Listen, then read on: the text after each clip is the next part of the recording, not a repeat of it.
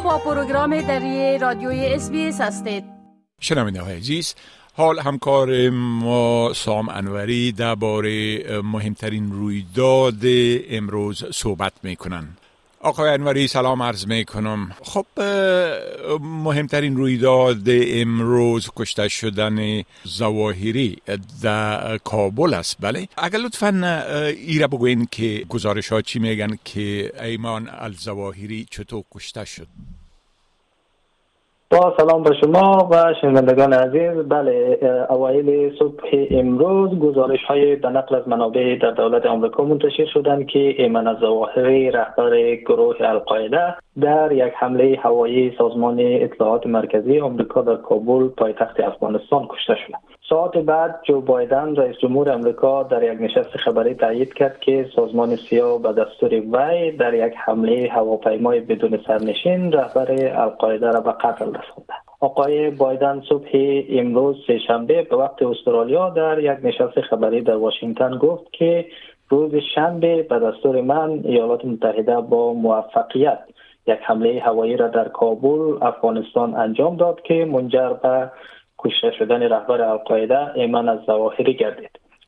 آقای بایدن گفت که دستگاه های اطلاعاتی امریکا اوایل سال جاری محل اختفای زواهری را در کابل کشف کرده بودند. به گفته او زواهری به مرکز کابل نقل مکان کرده بود تا اونجا در کنار اعضای خانواده خود زندگی کنه و افزود که من بعد از بررسی دقیق شواهد قانع کننده درباره موقعیت او دستور شلیک دقیق برای حذف او از میدان نبرد را صادر کردم.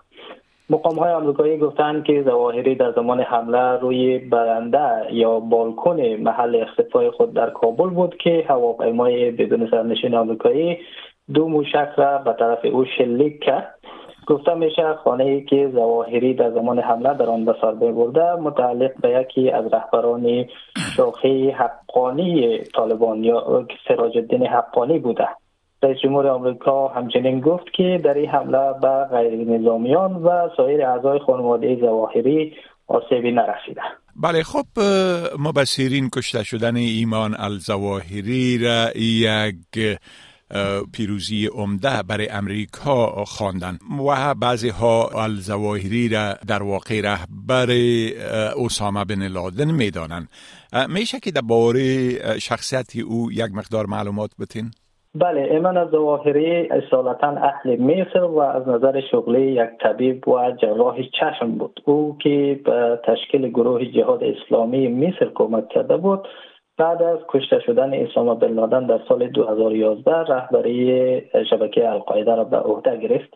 زواهری تا قبل از کشته شدن بن لادن به عنوان مرد دست راست و نظریه پردازی شبکه القاعده شناخته می شد و یکی از طراحان اصلی حملات 11 سپتامبر بر برج های مرکز تجارت جهانی در شهر نیویورک ایالات متحده آمریکا بود که منجر به کشته شدن قریب به 3000 نفر گردید. برخی از کارشناسان هم او را مغز عملیاتی حملات 11 سپتامبر خواندند. در تلافی به همین حملات بود که امریکا در سال 2001 به افغانستان حمله کرد و رژیم طالبان را ساقط کرد. گفته میشه که زواهری یکی از طراحان حمله 12 اکتبر سال 2000 به کشتی نیروی دریایی امریکا در یمن هم بوده که منجر به کشته شدن هفت 17 ملوان و زخمی شدن بیش از سی نفر دیگر شد.